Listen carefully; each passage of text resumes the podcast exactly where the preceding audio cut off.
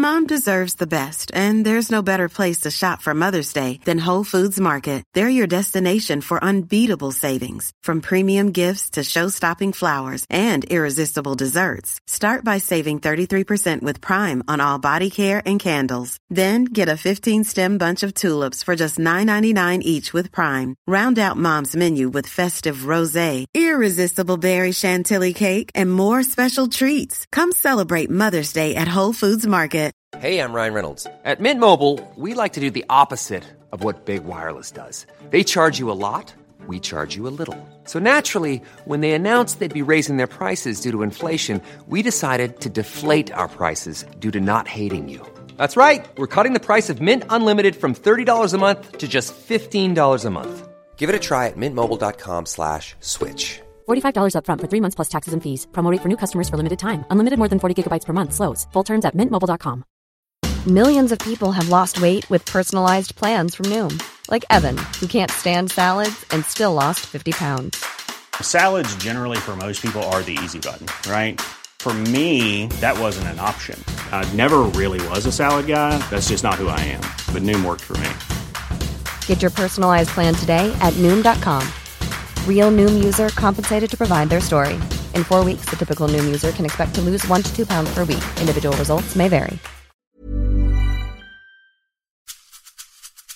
Men någonstans tänker jag att det här att vara chef är väldigt mycket att vara en, en säker bas för kollegorna. Att finnas där och stötta men också ställa krav. Och det här med ledarskap, det är ju någonting som du blir aldrig färdig med. Det, det, det, tänker jag att du, jag lär mig hela tiden. Det är den finaste komplimang du kan få, att någon faktiskt vänder sig till dig och ber om ett råd. Du måste få energi av det du jobbar med och får du inte det längre så det är ju verkligen dags att kanske fundera på att göra någonting annat.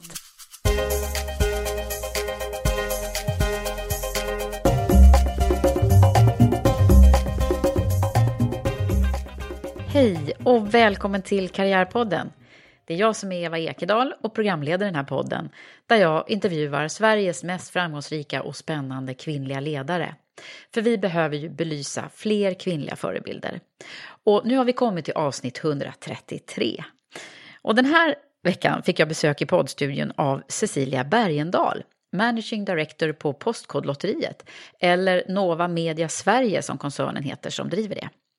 Vi kommer att prata om delat ledarskap, hur det är att jobba i mansdominerade miljöer och förstås ta del av hennes bästa tips. Cecilia har en bred kunskap från näringslivet inom flera olika branscher och från olika ledande befattningar i främst finansiella roller som CFO inom internationella företag. Hon har jobbat på företag som Triton, Tre och Standard Poor's. Cecilia är en riktigt härlig person, så häng med nu och lyssna. Men innan vi startar så vill jag passa på att nämna vårt nya ledarprogram i Women for Leaders som vi just nu rekryterar till och det finns fortfarande några platser kvar. Nämligen Women for Leaders Acceleration Program för kvinnliga ledare på middle management-nivå. Så känner du någon eller är du en sån, gå in och läs mer på womenforleaders.com och hör av dig till mig. Men eh, nu så, nu kör vi!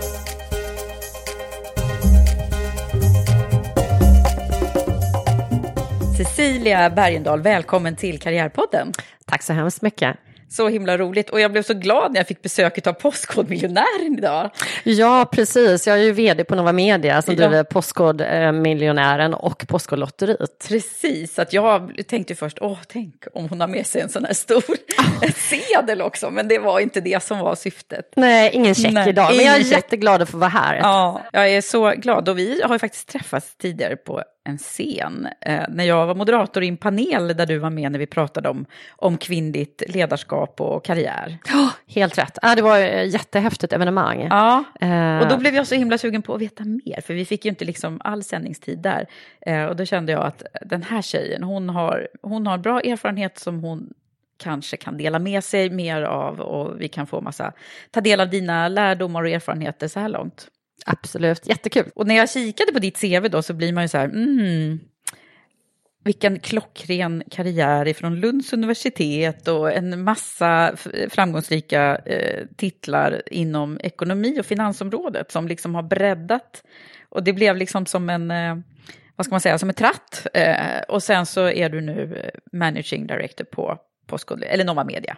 Precis, att jag, vi har delat ledarskap och det är säkert kanske något vi kan prata om senare här. Ja, det blev vi också nyfiken ja, på. Ja, nej, men det är någonting, jag har haft den här rollen och delat eh, managing director-rollen då eh, tillsammans med en kollega och det är någonting som vi kör i alla våra lotterier. Vi finns i, på fem olika marknader. Ja. Eh, och det är ju, det handlar ju lite grann om att ingen kan allt, utan att eh, du plockar de bästa, sätter ihop dem i ett team och även när det gäller det yttersta ansvaret, att det inte bara att du har en ledningsgrupp, Aha. utan också eh, jobba med styrelserna då tillsammans. Men vad roligt, där, vi dyker ner i det direkt tycker jag. Alltså, mm. din, det, du har en manlig kollega då som... Ja men precis. Eh, Anders och jag, vi har kört ihop sedan 2015, eh, hösten 2015 och nu är vi faktiskt på väg också att plocka in en tredje kollega här.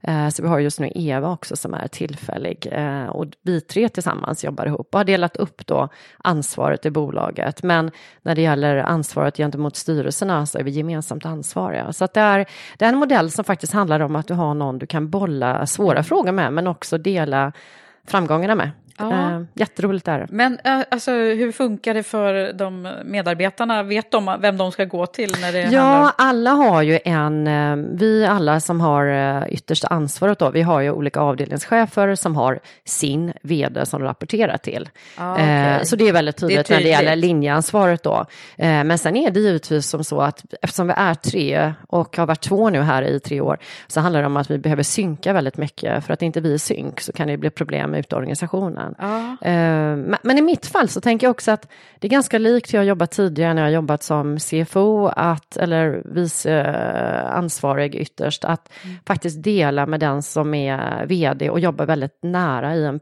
nästan som en parrelation, alltså mm. jobbmässigt då. Men det, det, är ehm. väldigt viktigt att den, att den relationen fungerar bra. Det är otroligt viktigt, alltså det, och jag tänker det generellt sett, mm. den, dina nära kollegor, mm. för det är ju faktiskt som så att periodvis kanske du nästan träffar dina kollegor mer än vad du träffar din familj. Ja, verkligen. Det är som man är ehm, gift med dem. ja, men lite granna. Och jag har jobbat i vissa, jag menar lite, det har varit finansiella kriser, som du, som du berättar, jag har ju en finansiell bakgrund mm. och jag har bland annat jobbat uh, väldigt tidigt här, 92 i min karriär när det var då 500 procents ränta och det var mycket som stod på spel i Sverige. Mm. Uh, och då var det ju många av dygnets vakna timmar som jag tillbringade med teamet oh. på Duni där jag oh. jobbade då. Och vi, vi fick en fantastisk sammanhållning men det var ju inte lätt. Nej. Du har varit med om flera sådana? Ja, men precis. Jag jobbade även på Standard Poor's nere i Tyskland där det var 15 september 2008. Nu ska vi inte bli nördiga här, men det var Lehman Brothers som ja. sprack. Som var det 2008? 2008? det känns... ja. ja, det är tio år sedan. Ja, precis. Men det blir ju det blir, blir verkligen starten på en jättelång ja. lågkonjunktur och vi ser fortfarande idag att det är jättelåga räntor i världen och man har inte riktigt hämtat sig därifrån. Nej. Eh, men, men någonstans är det också min devis när det är de här tuffa tiderna, att du har en chans att, att svetsa samman, men alltså du lär dig som mest. Mm. Eh, när det, det inte går som liksom du har tänkt kommer ihåg också ja. Eh, och, och lärt sig massa bra saker av. Absolut. Vi kanske kommer komma tillbaka till det. Men jag tänker att vi behöver få liksom en sån här helhetsbild eh, av dig och din bakgrund och så. Vad, vad är det du kommer ifrån? Alltså jag kommer från början, jag får väl travestera en svensk före detta statsminister då. Jag är ju hallänning, svensk, europé. Ah. Um, så att jag är uppvuxen utanför Varberg, en liten, mm. liten ort, Tvååker heter det. Eh, och jag är uppvuxen där i en eh, småföretagarfamilj. Eh, mina föräldrar drev en ICA-butik eh, och det var faktiskt så att det var min farfars far som startade det här företaget mm. 1897. Så det är ett gammalt, gammalt familjeföretag. familjeföretag. Mm. Uh, så där började du jobba? Ja, ja, men, extra jobb? ja och det, det, har verkligen präglat eh, hela min, min yrkeskarriär. Alltså jag jobbade från att jag var 13 år och satt i kassan eh, och ta hand om kunderna och allt som man behöver göra när man jobbar i en butik. Ja. Eh, och inte bara jag utan också mina syskon, vi jobbar ju alla i butiken och det mm. blir ju liksom väldigt centralt. Mm. Ja. Vad, vad, vad, du säger att det har präglat dig, vad är det som det har betytt liksom för dig? Alltså vad det har betytt för mig, ja, dels har jag, alltså beundrar jag verkligen alla som driver små företag som faktiskt har en idé och vågar riskera kapital och du kanske inte tar ut någon lön och, och, och faktiskt tar risken också att anställa kollegor och har en idé och vill driva det här. Så, så det har det verkligen gett mig. Men sen också det här att det är kunden i fokus. För det är ändå så att när vi på den tidpunkten eh, öppnade ICA-butiken varje mm. morgon klockan åtta, vi hade ju ingen aning om vilka kunder som skulle komma in. Eh, var det en regnig dag och vi stod där med massa mm. grillkotletter på sommaren, var det ingen som köpte dem. Nej, eh, så att en väldig respekt för Fick man att... baka var... bullar istället? Ja, typ, men eller? precis. Ja, inte alltid så lätt kanske när det står med ett lager, men, men alltså verkligen, och det har präglat mig mina andra jobb, där jag jobbar på stora företag, att du får aldrig glömma av vem kunden är, för det är ändå kunden som gör att du driver verksamheten framåt. Mm. Uh, det är ju inte alltid kanske det, det, centrala i de som jobbar på den finansiella, alltså där, siffrorna i och för sig, men att förstå ba, eh, liksom, vad som ja, är bakom och jag, siffrorna. Men, men jag tror ju, alltså det är ju verkligen någonting jag känner. Jag, jag jobbade en period på tre telekombolaget och eh, för, på ekonomia och finansavdelningen där. Och där var det någonting som jag eh, införde för min, mina kollegor, att vi gemensamt skulle ut i butikerna, tre butikerna som ju finns, mm. och träffa kunder och praktisera och även sitta och medlyssna. För jag tror, att, jag tror ju genuint att, att när du sitter kanske och skickar ut fakturer eller du sitter och håller på med något helt annat inom ekonomi, eh, att du måste ha respekt och förståelse för att det är säljet som driver eh, företaget framåt. Mm. Det där är ju så bra, för att det, många gånger, jag har jobbat i stora bolag när, när det har varit så att nästan har varit en kamp mellan ekonomiavdelningen och sälj har inte alltid varit i synk om man säger. Nej, och det, och det kan jag ju säga, det kan jag verkligen säga, så är det ju på många bolag. Och, men jag hade en gång en chef som sa det, att det är egentligen ganska sunt att det är kanske lite Um, kanske inte stridigheter, det överdriver konflikter, men mm. ändå att det faktiskt finns lite en kamp mellan ekonomi kontra kanske sälj i vissa lägen, för det är det som driver utvecklingen framåt. Jag tror mm. det. Ja, uh, och sen kan det ju vara så här, sälj gasar lite för mycket och behöver liksom bromsen ifrån uh, ja, jag tror kloka det. ekonomer. Och, och, och någonstans handlar det väl lite om eh, det här också, att, att verkligen känna vad är det andra perspektivet? Mm. Så att det finns aldrig bara en sanning, utan det är väldigt mycket grått faktiskt. Mm. Men du, om man tittar på din, din bakgrund, dina val då, det, för det är jag väldigt intresserad av, vad det är som gör att man väljer det man väljer. Mm. När du skulle börja studera, var, var det ja, klockrent då att du skulle plugga ekonomi? Nej men alltså när jag gick, när jag gick i, i gymnasiet, så jag älskade matte, eh, språk men även samhällskunskap, så att väldigt så här allmänbildad, jag är uppvuxen i en familj med fyra dagstidningar och väldigt mycket mm. fokus på omvärlden och böcker och sådär. Um, så att jag, jag hade ju ett mellanår, jag var nere i Tyskland uh, och uh, framförallt var jag i Österrike uh, ett år efter gymnasiet. Mm. och där um, fick jag ju möjligheten att lära mig tyska på ett helt annat sätt. Mm. och det gjorde också att jag valde att även läsa tyska när jag pluggade i Lund, men mitt huvudämne var ekonomi. Okay. och där kan jag säga att jag hade absolut ingen tanke på att jag skulle jobba som, som chef på något företag, utan jag hade en idé om att jag skulle bli journalist. Mm. Och faktiskt väldigt specifikt att jag ville bli ekonomijournalist. Det var någonting jag hade, tyckte verkade coolt. Eh, och, och, det var också så här att när jag var 12-13 år så skrev jag ibland lite kåserier i någon lokaltidning i, i, där i Varberg. Och, så någonstans det här att skriva och berätta, men jag ville hellre fokusera på näringslivet. Mm. Men så var det ju så här att jag hade ju bra betyg från gymnasiet, men inte riktigt så bra betyg. Så att komma in på Journalisthögskolan, det var aldrig aktuellt. Ja, det var så tufft då. Eh, mm. ja, men då tänkte jag att om jag börjar med att läsa ekonomi så kan jag väl lära mig journalistjobbet sen. uh, men sen när jag var klar i Lund så blev det aldrig journalist, utan det, det, det är alltid som, lite slumpen som styr. Ja, vad var det för slump som gjorde att du hamnade där du hamnade då? Det var ju så här att jag, precis som alla tror jag när man slutar på universitetet så går du på massa olika intervjuer. Och i det här fallet året så eh, började jag jobba på SEB-banken där och det var ett väldigt brett jobb. Att det var ett team eh, som jag skulle ingå i som skulle ut och sälja några IT-system som banken hade eh, och även då sälja konsulttimmar. Så det var en ganska udda verksamhet i banken och det var lite ett sätt för banken kanske att få en dörröppnare. För jag vet att vi var hos många av Handelsbankens kunder och försökte komma in och sälja de här IT-lösningarna. Ja. Eh, så att det var en ett väldigt roligt sätt att börja för en, en bred eh, bas i näringslivet. Ja, verkligen. Du fick liksom koll på många olika bolag och, ja, och hur det finansiella systemet fungerar? Ja, ja, dels det, men sen också ut och träffa massa olika företag. Mm. Så vi reste ju runt då Um, och då jobbade jag och bodde i Göteborg, så att vi rörde oss ganska mycket i södra och västra Sverige och var ute och besökte många både medelstora och lite större företag och Mm. fick en, en bättre förståelse för, för näringslivet. För det är ändå så här när du gått på universitetet, du har ju väldigt mycket teori med det, men kanske inte så mycket praktik. Nej. Så Eh. det är bra att få den där bredden i början. Ja, och det är klart, även när du pluggar, jag, jag gjorde ju precis som många andra före mig, jag var ju aktiv på nationerna, Ehm, Jag var med i någon Lundakarneval som hör till där, något PR-utskott och skulle Ja. göra reklam.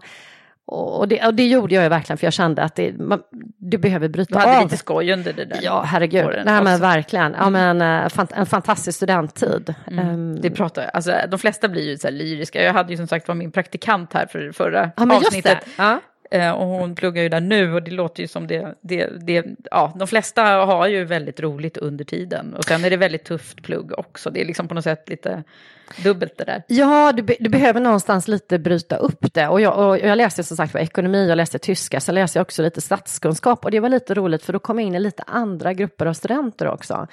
För ekonomer tenderar ibland att bli lite väl fyrkantiga och då kan du behöva träffa andra, eh, andra studenter också. Mm, mm. Och vad, när du hade haft den där första perioden då, eh, utan att, att berätta hela ditt CV så här, för du har ju haft några olika roller, men hur, vad var det som styrde in dig? För sen var det ju controllerroller och, och så som det blev. Eh, hur tänkte du då? Nej, men jag tänkte att jag ville, jag, jag är en väldigt eh, hands-on människa, det låter lite floskelvarning kanske, men, men ändå jag kände det att vara rådgivare och konsult, det är extremt lärorikt och det har jag varit i några olika perioder. Men det här att själv få sitta och driva eh, verksamhet, utveckla verksamhet, både från att du börjar planera och lägga fast mål och strategier, men också genomföra det, eh, det, det är extremt intressant. För i controllerroller så påverkar man verkligen det. Ja, det gör det ju. Jag menar, jag var ju en period och, och kom in i ett sammanhang efter att det varit ett stort förvärv. Och det handlade väldigt mycket om att förändra strukturen, slå ihop ett antal europeiska bolag eh, och helt enkelt skapa en ny plattform hur man skulle sälja till sina kunder ute i Europa. Och det var verkligen det som drev mig att, att jobba mer internationellt. Eh, Okej, också så för det att, var en grej som var... Ja, nej, men det kändes viktigt och, och jag har ju under mina år jobbat mycket ut just mot tyska marknaden också tack vare att jag pratar tyska flytande. Och det, det är klart att alla pratar engelska då, men, men i vissa sammanhang är det en liten dörröppnare om du faktiskt pratar ett annat språk. Så jag tänker om man är duktig på franska eller spanska eller tyska eller japanska eller något annat är det jättebra. Mm. Vad, vad är det som har varit det roligaste? Och då så får du inte säga det du gör nu. Nej, ja, precis. Nej, men alltså roligaste, men det roligaste skulle jag vilja säga att, att jag hade ett jobb, när jag, när, jag, när jag var, precis hade fyllt 31, eller skulle fylla 31, så fick jag mitt första chefsjobb. Eh, och det var eh, också ett förändringsuppdrag, vi var en helt ny ledningsgrupp som kom in. Eh, och det var några år när det var väldigt tufft att driva den här förändringen. För det var, det var ju givetvis ett skäl, det var dålig lönsamhet och det behövdes förändras den här verksamheten. Och det var inte så att alla stod och tyckte att det här var det bästa som hade hänt. Men det roliga var ju sen att få vara med om när vi kom upp på nästa nivå och framförallt få jobba med alla kollegorna. För jag någonstans brinner jag lite för att det här med ekonomi är inte komplicerat utan det, det är lite som hushållsekonomi. Du, du, du kan göra det ganska enkelt och kanske det är lite min journalistiska ådra. Jag gillar att förenkla och berätta och förtydliga för någonstans vem är det du pratar med? Att alla kan själva fatta sina egna beslut. För jag tror ju att, att det här med ekonomi, det är bara ett sätt att redovisa, för det handlar ju ändå om att stötta och driva utvecklingen. Och det bästa är om du kan få ut det bland alla som sitter och gör och driver ute i linjen. Precis, att få alla att förstå Absolut. siffrorna, liksom, Ja. vad, vad som ligger bakom att, det går, att ett företag går bra. Ja, och gör det inte det att, att också du är väldigt tydlig med att nu behöver vi göra någonting och, och så skapar det då ett engagemang. Så det bästa är väl att, att driva en förändring från A till Ö, att faktiskt se, nu blir det som vi tänkte. Eh, eller kanske ibland till och med lite bättre. Mm. Mm. Vad kul. Och då började ledarskapet för dig?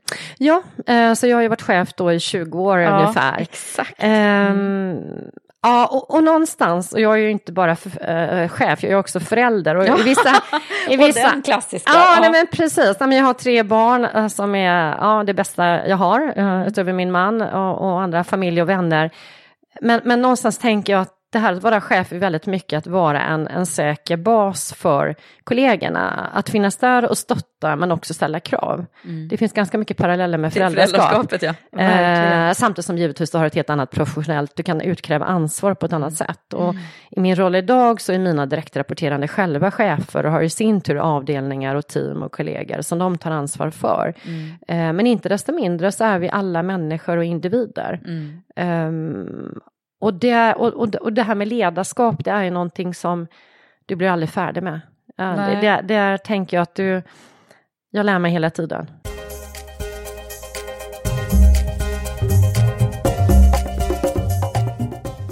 Vet du vad, jag har faktiskt en, en eh, alltså när man pratar om ledarskapet så, så det gör jag ju nästan alltid här Mm. i Karriärpodden när jag sitter med, med olika typer av ledare här. Och jag har bestämt mig för att införa en ny fråga som jag ska ställa till alla. Okej, spännande. Är det premiär idag? Det blir premiär idag. Eh, och det är, du har inte fått reda på det här innan. Nej. Eh, nej, men det är inte så avancerat. Jag bara tänker så här, vi jobbar jättemycket i Women for Leaders som ju eh, alla som lyssnar på Karriärpodden vet om att jag eh, driver. Eh, och där pratar vi väldigt mycket om det moderna ledarskapet. Alltså det ledarskapet som förmodligen kanske inte är det som är standard idag, utan det som vi tror kommer att behövas och krävas i framtiden för att kunna leda nya typer av organisationer som, som inte är organiserade på samma sätt. Vad, vad, vad, vad, vad, vad, vad har du för spaning när det gäller så här, vad tror du om, om, om ledarskapet i framtiden? Nej men det vi, alltså det jag och, och, och det som vi idag jobbar med hos, hos mig är ju verkligen att alla är vi ansvariga. Alltså, vissa har en, ett formellt chefsansvar och då följer det att du ska agera utifrån arbetsgivarens bästa. Eh, men vi tänker också att medarbetarskapet är extremt viktigt, att du, du är också ansvarig för att leda dig själv. Eh, och vi pratar mycket om ledare värda att följa. Eh, och det är någonting du ska förtjäna. Och, och, Ledare är värda att följa. Ja, det är någonting som, som vi har som, som vår, känner, det här är vår Lite resa mantra framåt. sådär, ni- ja, det är ett mantra och vi, vi precis i lindan och börjar, har börjat jobba med det här. Men vi, och, och någonstans, när det moderna är givetvis att Alltså jag tror ju genuint, och det kanske inte är så modernt, men ändå på att vara nära verksamheten, det här med decentralisering. Eh, Det, det är väldigt komplext i dagens samhälle, speciellt om du jobbar i större företag. Det är så lätt att du kommer väldigt långt bort från faktiskt kunden. Eh, Du skapar väldigt mycket interna processer och byråkrati som säkert det finns många goda intentioner med. Men jag tror att där är en utmaning och det kommer definitivt vara en utmaning om inte du motsvarar nya unga generationens krav. Man vill vara med och bestämma. Eh, samtidigt som det inte är demokrati heller. Det måste också vara väldigt tydliga beslutsvägar.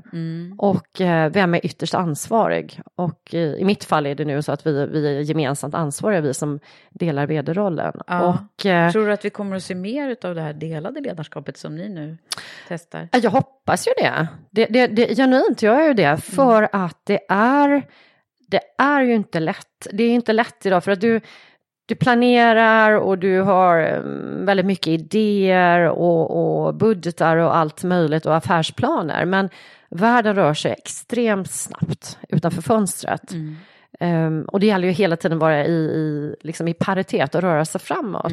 Och vara beredd på, på det som är oförutsägbart. Och då tror jag att är ni fler som har ganska olika perspektiv så kommer det kanske inte vara lättare, men det är kanske större sannolikhet att, ni fångar, att man faktiskt fångar upp det som händer utanför. Precis, och då krävs det också en lyhördhet, tänker Ja.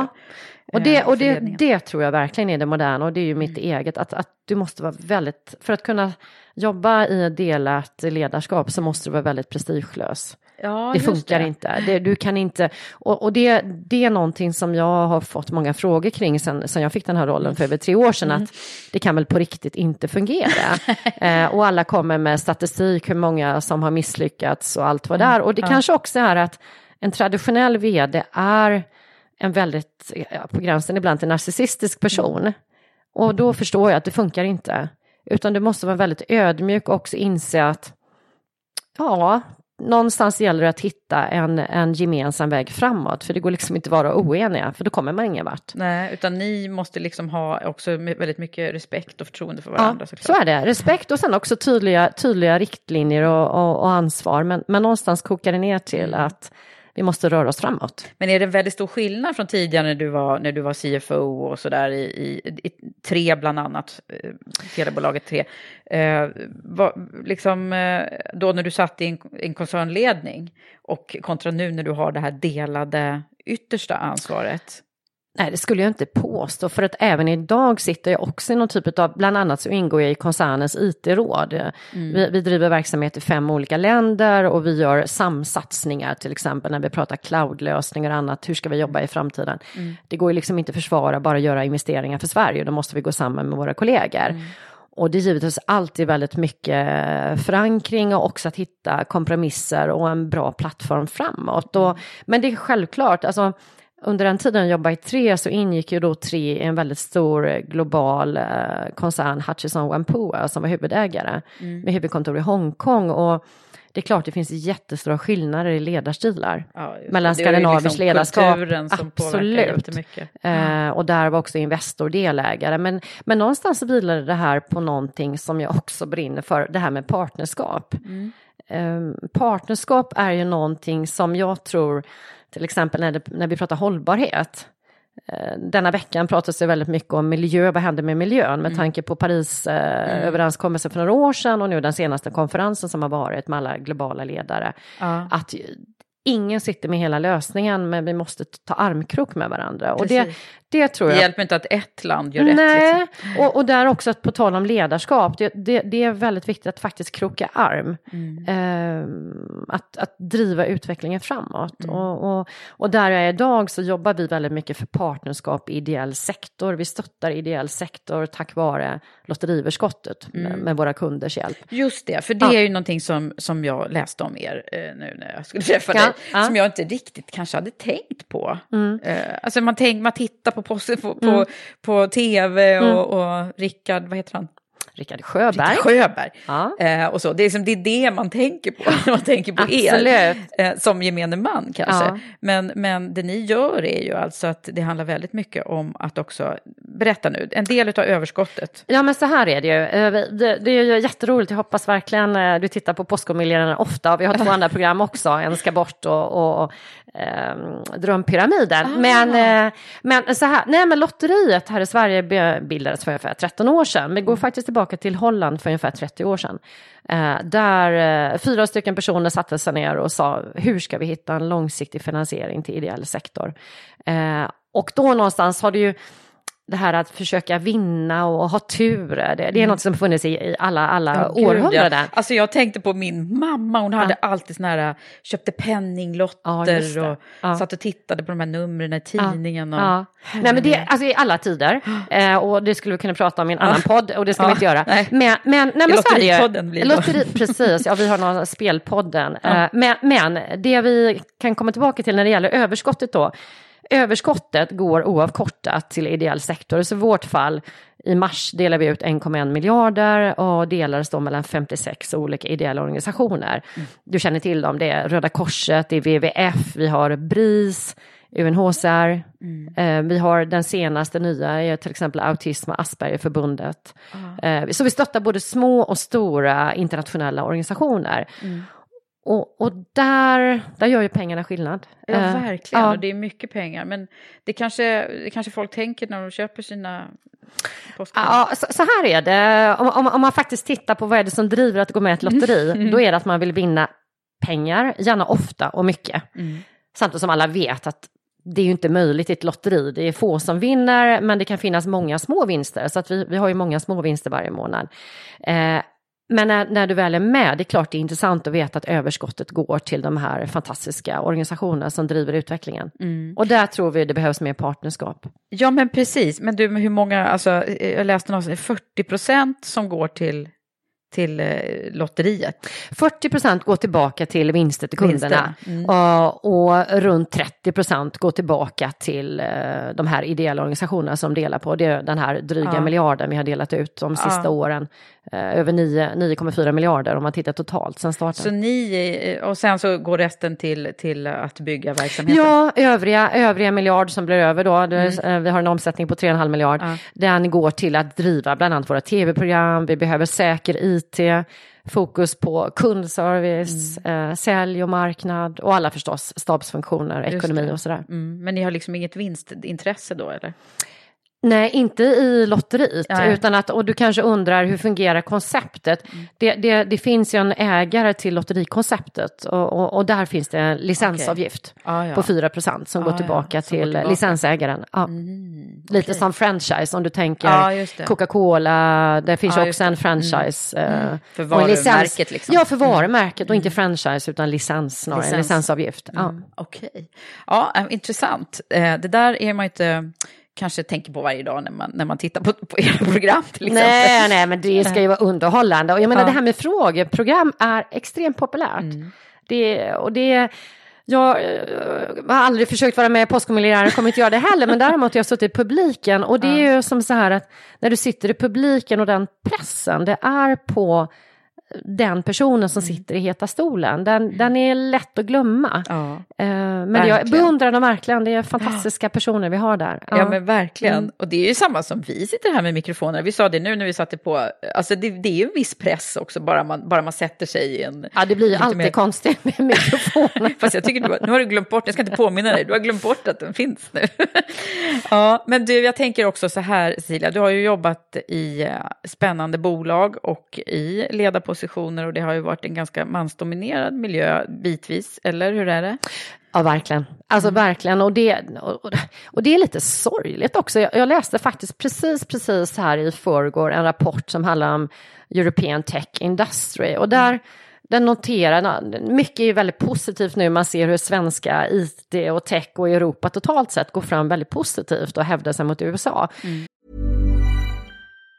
A lot can happen in the next three years. Like a chatbot may be your new best friend. But what won't change? Needing health insurance. United Healthcare Tri Term Medical Plans are available for these changing times. Underwritten by Golden Rule Insurance Company, they offer budget friendly, flexible coverage for people who are in between jobs or missed open enrollment. The plans last nearly three years in some states, with access to a nationwide network of doctors and hospitals. So for whatever tomorrow brings, United Healthcare Tri Term Medical Plans may be for you. Learn more at uh1.com. When you're ready to pop the question, the last thing you want to do is second guess the ring.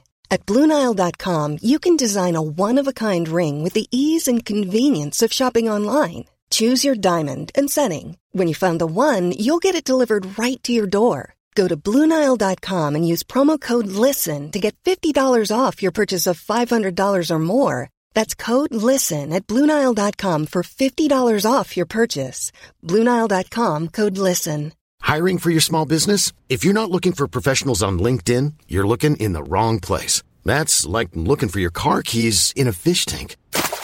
LinkedIn helps you hire professionals you can't find anywhere else, even those who aren't actively searching for a new job but might be open to the perfect role. In a given month, over 70% of LinkedIn users don't even visit other leading job sites. So start looking in the right place. With LinkedIn, you can hire professionals like a professional. Post your free job on linkedin.com slash people today. Planning for your next trip? Elevate your travel style with Quince. Quince has all the jet setting essentials you'll want for your next getaway, like European linen, premium luggage options, buttery soft Italian leather bags, and so much more. And it's all priced at 50 to 80% less than similar brands. Plus, Quince only works with factories that use safe and ethical manufacturing practices. Pack your bags with high-quality essentials you'll be wearing for vacations to come with Quince. Go to quince.com slash trip for free shipping and 365-day returns. Many of us have those stubborn pounds that seem impossible to lose, no matter how good we eat or how hard we work out. My solution is PlushCare. PlushCare is a leading telehealth provider with doctors who are there for you day and night to partner with you in your weight loss journey. They can prescribe FDA-approved weight loss medications like Wagovi and Zepbound for those who qualify. Plus, they accept most insurance plans. To get started, visit plushcare.com slash weight loss. That's plushcare.com slash weight loss. Men där man släpper efter är ju verkligen, kvinnorna syns ju inte. Eh, Jättemånga kvinnor som känner sig diskriminerade, men framförallt läste jag hårresande att 90%, 93 procent av investeringskapitalet går till män. Eh, och det är ju inte... Det var ju bland annat det som vi pratade så mycket om när vi ja, sågs men på scenen. Absolut. Ja. Ja, så, det- nej, men jag menar, så jag har ju jobbat i många år och jag tycker absolut att det har blivit bättre. Och, och jag har ju själv hamnat i situationer där det är alldeles uppenbart att som kvinna blir du, du blir bemött på ett annat sätt. Ja, kan, du, Ehm, kan du berätta om något? Nej, men jag, alltså, jag, har ju, jag har ju precis alldeles nyligen ett exempel från när, när jag hade just varit på ett av koncern-IT-råden i Edinburgh. Eh, och jag satt på planet hem och hamnade bredvid någon svensk man. Ehm, och han frågade, vi började prata lite grann, han började fråga mig vad, vad jag har gjort i Edinburgh, för det är klart det är inte den mest vanliga eh, affärsreseorten. Och eh, så jag berättade ju då att jag har varit där och sitter i IT-koncernens eh, IT-koncernrådet och vi beslutar om IT-investeringar och annat. Och, och då vänder han sig till mig och frågar, men, men hur funkar det? Hur, vad tycker IT-chefen om det? Att, att du som kvinna är med och fattar de besluten? och, då, och då måste jag ju säga att jag, först förstod jag ju inte riktigt vad han sa, men, så jag svarade väldigt snabbt. Jag svarade ju bara, alltså jag har ju aldrig, aldrig, aldrig varit någonting annat än kvinna, så att tack, det går bra. Ja, Vad ska man svara? Men, men så här i efterhand så, ja, nej, jag är lite hårresande. Ja, men jag fick mer sådana frågor eh, när jag var runt 30 kan jag säga. Eh, och jag minns också till exempel när jag skulle bli eh, intervjuad för mitt första chefsjobb och var precis runt 30 år. Eh, det var en av de sista instanserna att jag skulle bli intervjuad av eh, fackföreningsrepresentanterna. Det fanns tio fackföreningar på det här företaget. Så det var jag och eh, tio män eh, som, som grillade mig då och tyckte att jag var en ganska udda fågel och undrade vad jag skulle göra i det här företaget.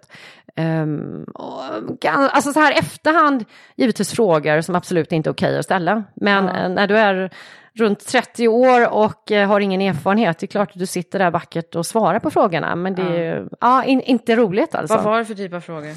Nej men alltså jag hade då precis fått min, min, eh, jag hade min dotter som var drygt ett år gammal och jag fick ju jättemycket frågor hur jag hade tänkt att det här skulle fungera. Eh, och, och jag är alldeles övertygad om att min man hade ju aldrig fått de frågorna om han hade suttit i motsvarande intervju. Nej. Ehm, så att det, det, Det, det har ju, man kan ju hoppas liksom att det har hänt väldigt mycket, det har det ju såklart. det är klart jag har. Men, men eh, de sakerna som vi var med om då, det, det, man bara, det får inte hända idag. Nej. Men ändå så, jag menar, nu har vi ju ett väldigt färskt exempel som jag inte liksom får bort ifrån mitt huvud om, om, om eh, Horace Engdahl nu som uttalade Ja. sig. Det, man, man tror liksom inte att det är sant. Nej, jag håller med. Och, och, och, det, och det, det, därför har liksom under alla dessa år, någonstans handlar det också om att du måste ha ett, tjockt teflon runt omkring dig. För någonstans tänker jag så här att ja, han eller hon menar nog inte så illa när de sa precis det de sa. Och gör de det, då kan vi bara konstatera att vi har väldigt olika världsuppfattning. Och då, då lä- väljer jag hellre att lägga det åt sidan. För det går liksom att gå runt och älta, det, det ger ingen energi, det bara suger energi. Så jag tänker att, men, men, men däremot är det också viktigt att sätta det i ett sammanhang, att det är inte okej. Och, och eftersom jag har varit chef i många år så är det också viktigt att hur, hur intervjuar vi? Och där jobbar vi mycket, till exempel, vi gjorde en analys här för några år sedan och verkligen gick in och tittade hos oss. Hur ser det ut hos oss? Hur, vilka människor ser vi i reklamfilmerna? Eh, hur går vi tillväga när vi intervjuar? Eh, och det handlar ju faktiskt inte bara, nu pratar vi om manligt och kvinnligt här, men i min värld handlar det också väldigt mycket om mycket andra mångfaldsfrågor. Alltså om du har någon typ av funktionsvariation, vad har du för etnisk bakgrund? Och där har vi jobbat då med de som verkligen är experter på det här. Vi har liksom samarbete med, haft med Samhall och det finns ju andra bolag som är väldigt, väldigt duktiga på det här. Eh, där vi nu har hittat fantastiskt duktiga kollegor som, som, som verkligen bidrar. Så jag, jag tror ju genuint på, på tal om moderna ledarskapet i framtiden, att du måste verkligen spegla samhället där du är. Eh, och, och vi till exempel, vi har 60% kvinnor. Och vi har faktiskt eh, till och med drygt 60% kvinnliga chefer hos oss. Ehm, Så och vi- nu är du inte i den här Nej, mansdominerade nu är jag inte det. Och det är faktiskt miljön första gången. Det är Ja, faktiskt första, gången. Ja. Mitt förra jobb, eh, då, då satt jag också i en koncernledning och det var, det var jag och så var det tre män i koncernledningen och sen i den vidgade affärsledningen var det också typ tio män. ja, telekom är ju, ligger ju ligger en, en bit bak. Ja, och jag- det var inte Telekom, men, Nej. men det var ett, ett annat Ja, bolag annat däremellan. Mm, ja, med, okej. Mycket med fokus på teknik.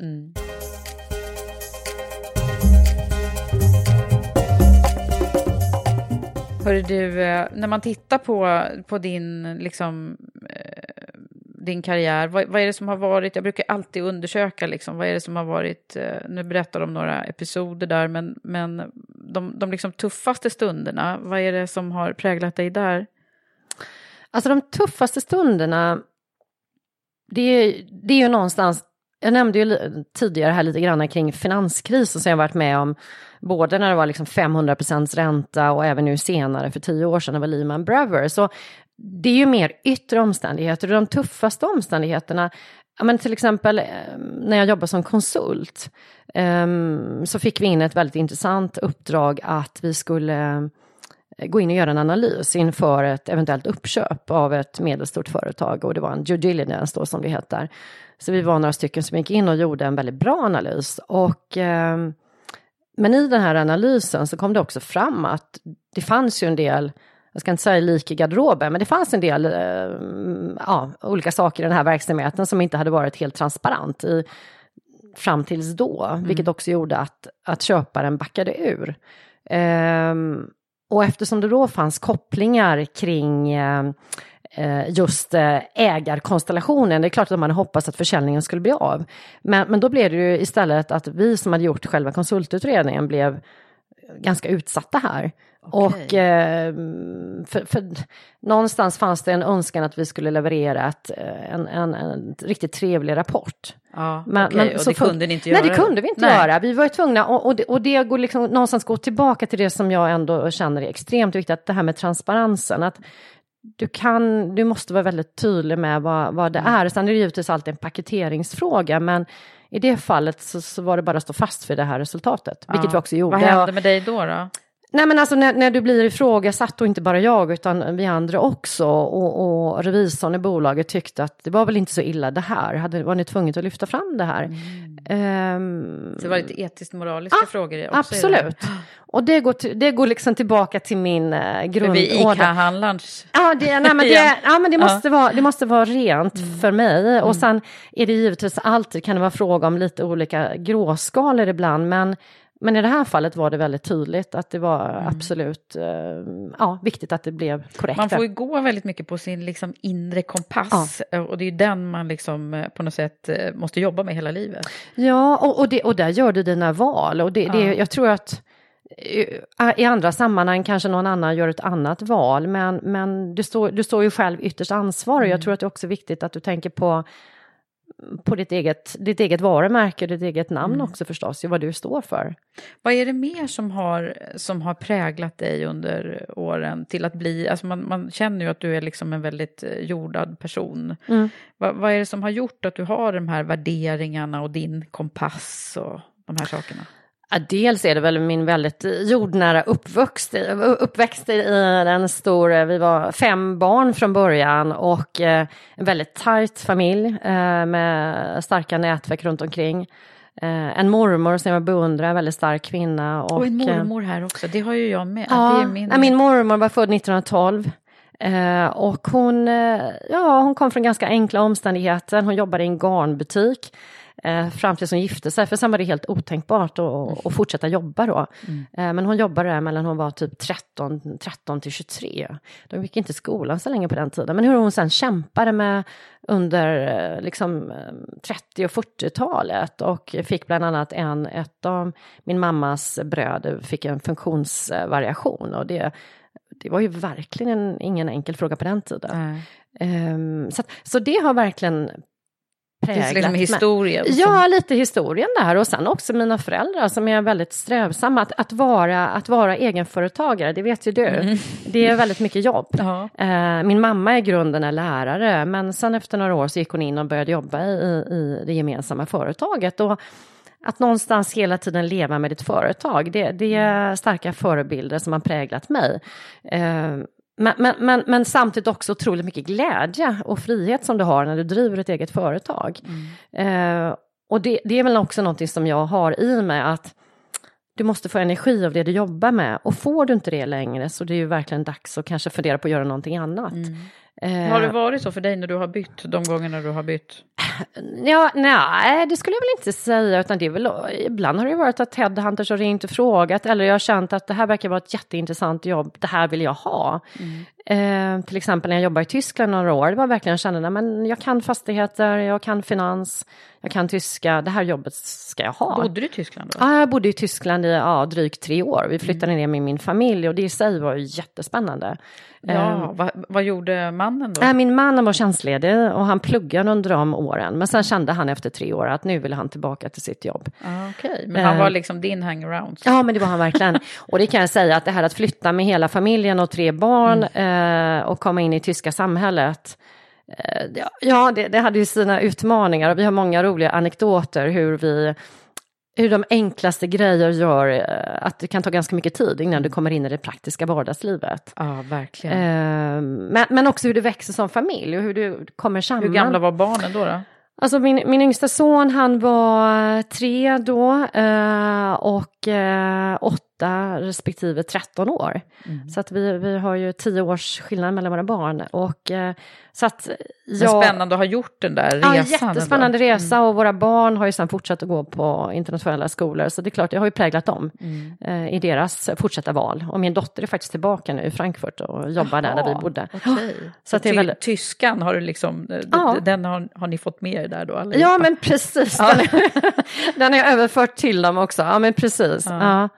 Vad har det mer för någonting då? För vi har ju oftast liksom, eh, när man har levt ett, ett, en, en bra stund i livet så Mm. har man ju andra så här, vägskäl eller andra stora saker som har påverkat en. Nej, men en annan stor sak om vi kommer in mer på privata eller personliga planet är ju också att vi, som jag sa, vi var fem syskon men idag har vi bara fyra syskon och det är så att min äldsta bror han dog i cancer eh, när han snart skulle fylla 35 år. Eh, och han, eh, han fick det när han var mitt i livet. Hans barn var, mm, de var ju små när han dog. Men han, var ändå, han hängde sig kvar och hans, alltså hans enorma livskraft, den, den, eh, den var o, alltså oomtvistlig. Och, och en, han, alltså verkligen, det, det är svårt att gå in på detaljer, men, men eh, den livsglädjen han hade, den, eh, ja, den, den har jag också. Ja. Och, och någonstans, mina föräldrar har ibland sagt att jag verkar ha väldigt bråttom genom livet. Jag vet inte, men, men det, en sån här sak också påverkar givetvis, för du kan inte ta någonting för givet. Du kan Nej. inte riktigt veta vad morgondagen är. Sen tror jag är inte jag någon dysterkvist som går runt och, och tänker svårigheter, men snarare har det inneburit att jag hela tiden hittar lösningar. Det händer ju i vardagen, små problem och stora problem, och i min värld måste det bara hittas en lösning. Ja, men precis. Du sa ju till mig när vi såg så att du har ju ett motto också. Glaset är halvfullt och det finns alltid en lösning. Och det, Ja, det är och- lite och- du alltså. Ja, men det är verkligen jag. Och, och, och det, det är mm, säkert många som tänker som jag, men, men, men faktiskt. Alltså alternativet att sätta sig ner och det är klart att du kan behöva en stund att liksom reflektera och alla kan vi bli irriterade och du behöver liksom bearbeta, men, men det finns ju faktiskt inget alternativ. Nej. Eh, och det gäller ju både på privata Men har det alltid varit så här liksom? Ja, alltså jag kan Ja, faktiskt... det, var, jobbigt men det finns alltid en lösning. Nej, nej, riktigt så är det kanske inte. Men, men någonstans är det väl också kopplat till att ha en envishet. Och jag kan ge ett exempel. Eh, när, jag, eh, när jag var yngre, jag började liksom jogga ganska tidigt innan jag var inne. Idag springer ju alla hela tiden. Och så här. Men, men liksom på 80-talet var jag inte jätteinne. Och jag skulle vara med i lopp i Göteborg, någon så här tjejmil. Eh, och så hade jag anmält mig, jag var lite amatör där, så hade jag angivit en ganska snabb tid, vilket innebar att jag hamnade i första startgruppen. Där stod jag och alla andra utom jag höll på att träna starter och jag började liksom undra vad är det här för någonting. Men i vilket fall, sen gick ju startskottet eh, och då blev det ganska mycket turbulens i den här första startgruppen. Så helt bara på några sekunder så inser jag att jag ligger på marken eh, och blir trampad på. Nej. Och det var, alltså det var en ganska, det var en Fruktansvärt. fruktansvärd, och då kände jag så här, herregud, um, nu har jag alternativet att ta mig upp och inte bli ihjälsprungen, uh, var liksom första instinkten. Men då var det tack och lov en kvinna som kom fram och drog upp mig, så då ställde jag mig upp och då tänkte jag så här, alltså jag har ju inte stått här för att jag inte ska springa. Nej men om jag börjar springa så går det nog. Och så tänkte jag så här att om jag inte tittar på mina ben, för jag kände att jag hade slagit mig ganska hårt. Jag tänkte om jag inte tittar på mina ben så kommer det nog funka. Så jag sprang ju det här milloppet. Men gud, med Men jag blodiga förstod- ben eller vadå? Ja, faktiskt. Jag förstod ju det när jag sprang upp och ner på Avenyn där på slutet, att människor tittar på mina ben. Men jag tänkte att, men sen var det magiskt. När jag kom innanför mållinjen, Mm. då tittade jag på mina ben och det såg ju inte klokt ut. Eh, och sen fick jag, ja, jag ska inte gå in på det, Ja. men jag fick lite problem efteråt. Ja. Men sen kunde jag knappt gå en meter. Men alltså otroligt, alltså det är mycket kämpar. Ja, Anda i så att en, så att, så att, eh, och då var jag inte särskilt gammal, så att envisen, Mm. alltså, och någonstans den här mentala kraften, och det, det tycker jag är så häftigt med de som är idrottsstjärnor. Mm. Hur, hur, hur psyket är lika viktigt som den fysiska träningen. Och jag tror det är likadant Mm. Så för... här, rest upp, det där var ju en väldigt bra liksom, bild som du gav Ja, oss här. Rest upp och, så. Och här, vill kan- du, blir du trampad på, res upp och spring. Ja, den är verkligen bokstavlig. Ja. Ja, men otrolig berättelse. Men du, sen så undrar man ju också, eh, vad, vad är det som... Eh, vi har ju ofta saker som har, andra saker som har betytt att det har gått bra då i karriären. Många pratar ju om det här med att man har haft eh, sponsorer redan tidigt, någon som har lyft fram en eller... Liksom, har du haft sådana?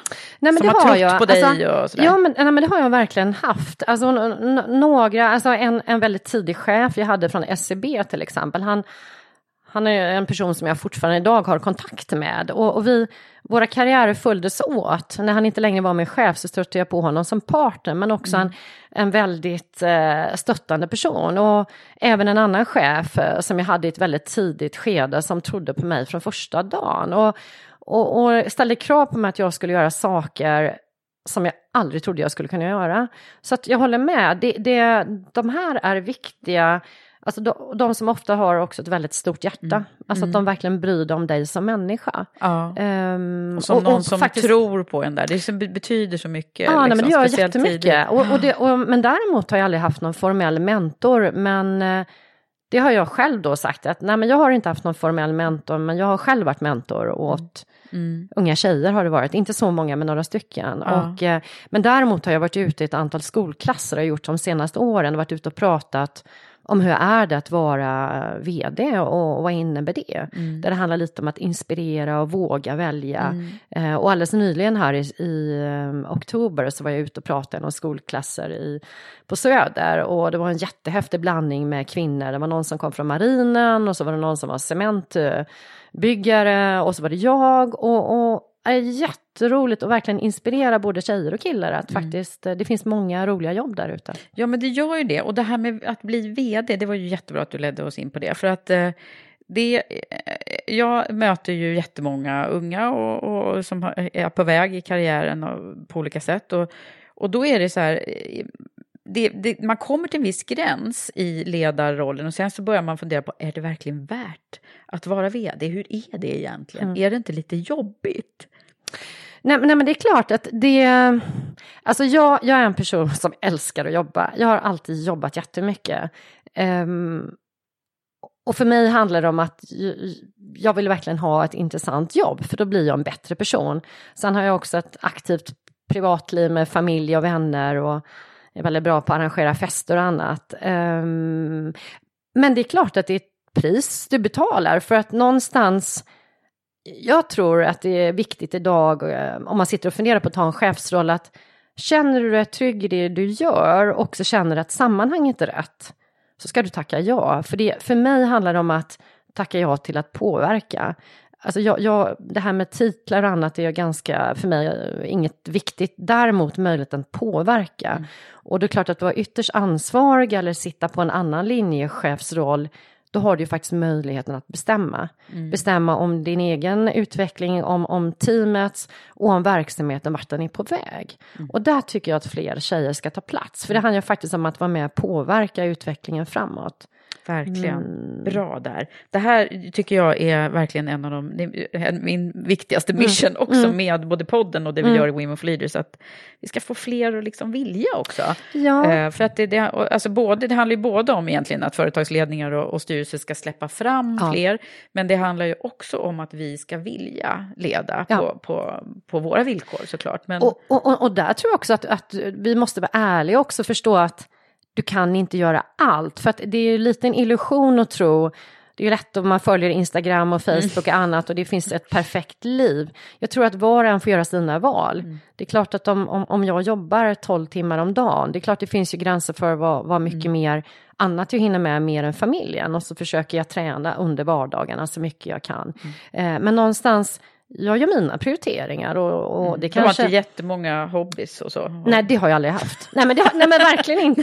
Alltså, verkligen inte. Men däremot, alltså, jag älskar att gå på liksom, utställningar och, och evenemang och teatrar och sådär. Så det är, väl, det är min ventil, men framförallt är min ventil att hämta energi med familj och vänner. Eh, och ehm, Ja, vi, vi, vi är bra på att ordna temafester i, i, i min familj. Senast där hade vi en oktoberfest. Um, ja. Eh, nej men, och där, där får jag energi. Och, och faktiskt att skapa den här, att vara, att ge, ge energi och glädje. Och, så att du sen när du kommer till jobbet på måndag så har du med massa nya perspektiv.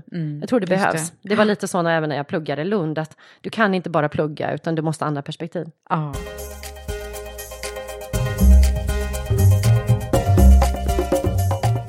Har du haft eh, några förebilder? Ja, men förebilder är, alltså jag, jag, dels som jag pratat om tidigare, här tror jag det här med småföretagare och entreprenörer, men sen det här är faktiskt att jag ville bli journalist. Alltså jag tycker de som idag är bloggare och journalister som faktiskt också ibland under dödshot. Jag vet till exempel, jag läste om en, en mexikansk journalist som heter Anna- Annabelle Hernandez. Jag vet inte om du känner till henne, men hon, hon är känd för att hon har kartlagt mexikanska knarkkarteller och hon lever under ständigt dödshot. Eh, hon, eh, hon har ett citat som är att att sluta skriva är ett annat sätt att dö. Och det, det är också hennes sätt att hon, liksom, hon fortsätter kämpa. Eh, så att hon, henne har jag aldrig träffat, men däremot en, en person som jag träffat som är aktuell i dagarna är ju Dennis Mukwege som får eh, Nobels fredspris på måndag. Honom hade jag förmånen att träffa här för några år sedan och jag även lyssnat på Nadia Murad som också får priset, Nobels fredspris i Oslo. Och de här individerna, de... alltså Vad är det som- de har? Ja, Liksom? de har någonting som gör att jag blir bara eh, helt starstruck, det måste jag säga. Hur de vågar, jag menar Dennis Mukwege då som jag träffat och han berättade för oss, vi var en grupp, alltså hur han, han lever ju också under dödshot och, och alla dessa bestialiska brott som han då försöker, han hjälper kvinnor och barn då som har blivit utsatta för våldtäkter och det är väldigt, det är en, en krigs, alltså det är, det, är, det är en krigsföring. Eh, men, men han stannar kvar och gör detta. Ehm, så jag måste säga att årets uh, är bra freds... Ja, jätte. Och, och Nadia Merad som var sex, hon är Yazid som är, var sexslav åt is och hur, hur hon nu då använder sin kändisskap eh, att faktiskt sprida och kämpa för kvinnors eh, och de svagas rättigheter. De, så det är föredöme, men annars, om jag tittar på kvinnor så måste jag säga Madeleine Albright, en jättehäftig kvinna. Mm, verkligen. Också lyssnat på någon gång, fantastisk. Eh, men sen tycker jag det finns ju det finns ju de här som kanske inte är så kända men som ändå är de här som, som kämpar i vardagen. Och det tycker jag ibland när man lyssnar på sommarpratare, det kommer fram människor som jag Eller i aldrig... Karriärpodden. Eller i Karriärpodden, precis. Men du Cecilia, du är ju en riktig förebild också för många. Och eh, jag tänkte så här att vi ska avsluta med nu att eh, du ska få summera lite grann dina, dina bästa, det som har varit viktigt för dig eh, genom karriären och livet att tänka på. Dela med dig några Nej, men, tips nej, och men jag råd. tänker så här att först och främst så handlar det om att jag tror liksom bestäm för, alltså, oavsett om det handlar om din egen privata utveckling eller din eh, professionella utveckling eller om det handlar om ditt jobb så tänker jag sätt fast väldigt tydliga mål och strategier vart ni är på väg eller vart du är på väg. Eh, och sen handlar det om att mäta och berätta och kommunicera eh, vad du gör eller vad ni ska åstadkomma för någonting. Men sen tror jag också det är extremt viktigt att vara flexibel för att det kommer att komma så många hinder på vägen. Men är man beredd att fånga upp de här, så, så det tänker jag, det, det är det första jag skulle säga spontant då. Och det, Ehm, det här är sånt som, som, visste du det här från början eller är det som, sånt som Nej, du har... absolut inte. Jag menar, det är ju många misstag jag har gjort under min... min Jag vill inte prata om misstagen kommer jag på nu. misstag. Det är ju som är så intressant. ja, men ja, det är klart jag har gjort, eh, jag har gjort felanställningar, felrekryteringar. eh, drivit förändringsprocesser som med, med, med där helt enkelt där jag hade behövt lyssna på fler eh, kollegor internt innan vi drog igång. Mm. Men någonstans så landar det ändå alltid på fötterna. Så, att, så det är väl verkligen bakgrunden till mm. mitt första råd. Att um, fastställ plan och mål och strategier och, och, prata om det. För jag menar, ska, ska vi gå någonstans så måste ju alla kollegor och teamet vara med på resan. För annars, för du är ensam om du är chef du kommer ingen vart. Mm. Och, och, och där kommer mitt, mitt, mitt, nästa råd, det handlar ju verkligen om att nej men ensam, det funkar ju inte. Du, du måste verkligen jobba tillsammans och det handlar ju om att det blir ju verkligen mycket, mycket bättre. Mm. Och, och, dessutom... och, det gör ju du och Anders nu då bland ja, annat. Ja, och, och, och, Eva, som är ny kollega här. Ja. Ja. ja och, och, och, och någonstans handlar det också om att, även på det personliga planet, jag tror ju väldigt mycket på det du gör här fantastiskt med Karriärpodden, mm. fantastiskt med ert nätverk. Eh, det kan aldrig bli för många nätverk. Mm. Eh, oavsett om det är nätverk bara för kvinnor eller nätverk av någon affärsanledning så det är blandat med både män och kvinnor. Men mm. det är bra. Mm. Sök hjälp och hjälp andra. Mm. Eh, och sen mitt tredje, min, min tredje går ju verkligen tillbaka till hela min uppväxt som är att behandla alla människor schysst. Alltså var, var snäll. Eh, alla är lika mycket värda. Det, det, det är ju inte bara FNs liksom, generalklausul utan nej. det är faktiskt någonting som jag det är så. Mm. Alla är väl lika mycket värda. Vi har olika roller i ett företag. Men alla behöver bli sedda. Mm. Um, och jag tänker också att du vill ju själv bli behandlad schysst. Mm. Uh, och sen är det dessutom så här att det kan ju också vara som så att du idag har en leverantör som du kanske helst skulle vilja be fara och flyga. Mm. Men men grejen är ju den att imorgon kanske den personen som är din motpart där sitter på din viktigaste kund. Mm. Så och det, det. Alltså det funkar ju inte. Man måste liksom du måste, vara beredd på och jag menar, att mötas. Och jag tänker att det finns ju alltid något gott hos alla människor. Ja. Jag menar det, det vet är du, Jag så. tänkte på eh, senast igår faktiskt eh, att jag skulle ta kontakt med några av mina tidigare kollegor. Mm. Som, som, eh, jag brukar nämligen ge det här rådet själv när jag är mm. mentor och coach som jag ju är då till vissa. Att, att man ska liksom titta på vilka är det som har varit betydelsefulla. Mm. Och även om det är länge sedan, mm. nu är det några av de här kanske som börjar bli rätt gamla också. Ja, Eh, som, som jag bara tänker, jag måste fånga dem där. Ah. Så jag skrev faktiskt några LinkedIn, fast jag vet inte hur bra de är på LinkedIn de här som jag eh, hintade. Men alltså apropå det där med liksom att också eh, ge tillbaka till dem som har gett en själv. Ja, nej men jag, det, det, är lite så här boomerang, liksom, vad vi än ja. gör ju. Ja, och, och det är ändå så här, alltså nätverk är ju ändå hela tiden alltså ett ackumulerat värde. Mm. Och, och, någonstans finns det, det finns ju alltid en vilja att hjälpa till. Mm. Jag, jag tror verkligen det här att om någon frågar mig om hjälp eller råd, och det hände faktiskt efter vi hade, du och jag satt i en paneldebatt där på mm. Women Entrepreneurship Day, Aha. då kom det fram några stycken kvinnor till mig och frågade om råd eller bara ville säga någonting. Och det, det är den finaste komplimang du kan mm. få, att någon mm. faktiskt vänder sig till dig och ber om ett råd. Mm. Eller hur? Det är jätteroligt. Alltså, det är verkligen. liksom mycket så här, eh, payback på något ja, sätt. Men det är det. Ja. det är det. Och jag menar någonstans så här, vilket samhälle vill du ha? Mm. Alltså det, någonstans tycker jag, mm, på tal om det här med journalistiska ådran mm. och så här, men det är ju väldigt mycket negativa brandkår, liksom eh, negativa rubriker, det, det är ganska trist ibland när man tittar ut över mm. omvärlden, men det finns ju så mycket gott som görs. Ja, men det är ändå kittet emellan och kraften i relationerna som gör att vi driver den positiva utvecklingen framåt. Mm. Och du jobbar ju nu på ett bolag också som gör en hel del positivt har vi fått höra. Ja, Så alltså det är, ju... det, är, det är ju verkligen de organisationerna mm. vi stöttar ja. som gör det här fantastiska stordåden. Ja, verkligen. Vad roligt det är att ha haft dig här i podden. Tack verkligen så hemskt mycket. Tack snälla. Tack.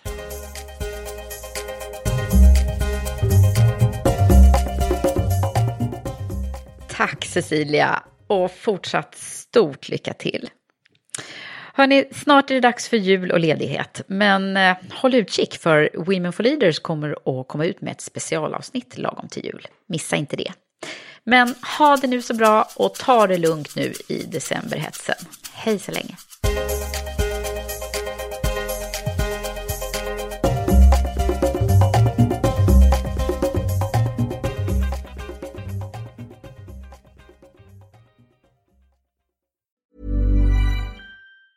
Planning for your next trip? Elevate your travel style with Quince. Quince has all the jet setting essentials you'll want for your next getaway, like European linen, premium luggage options, buttery soft Italian leather bags, and so much more. And it's all priced at 50 to 80% less than similar brands. Plus, Quince only works with factories that use safe and ethical manufacturing practices. Pack your bags with high-quality essentials you'll be wearing for vacations to come with Quince. Go to quince.com slash trip for free shipping and 365-day returns. Hi, I'm Daniel, founder of Pretty Litter. Cats and cat owners deserve better than any old-fashioned litter. That's why I teamed up with scientists and veterinarians to create Pretty Litter. Its innovative crystal formula has superior odor control and weighs up to 80% less than clay litter. Pretty Litter even monitors health by changing colors to help detect early signs of potential illness. It's the world's smartest kitty litter. Go to prettylitter.com and use code ACAST for 20% off your first order and a free cat toy. Terms and conditions apply. See site for details. Mom deserves the best, and there's no better place to shop for Mother's Day than Whole Foods Market. They're your destination for unbeatable savings, from premium gifts to show-stopping flowers and irresistible desserts. Start by saving 33% with Prime on all body care and candles. Then get a 15-stem bunch of tulips for just $9.99 each with Prime. Round out Mom's menu with festive rosé, irresistible berry chantilly cake, and more special treats. Come celebrate Mother's Day at Whole Foods Market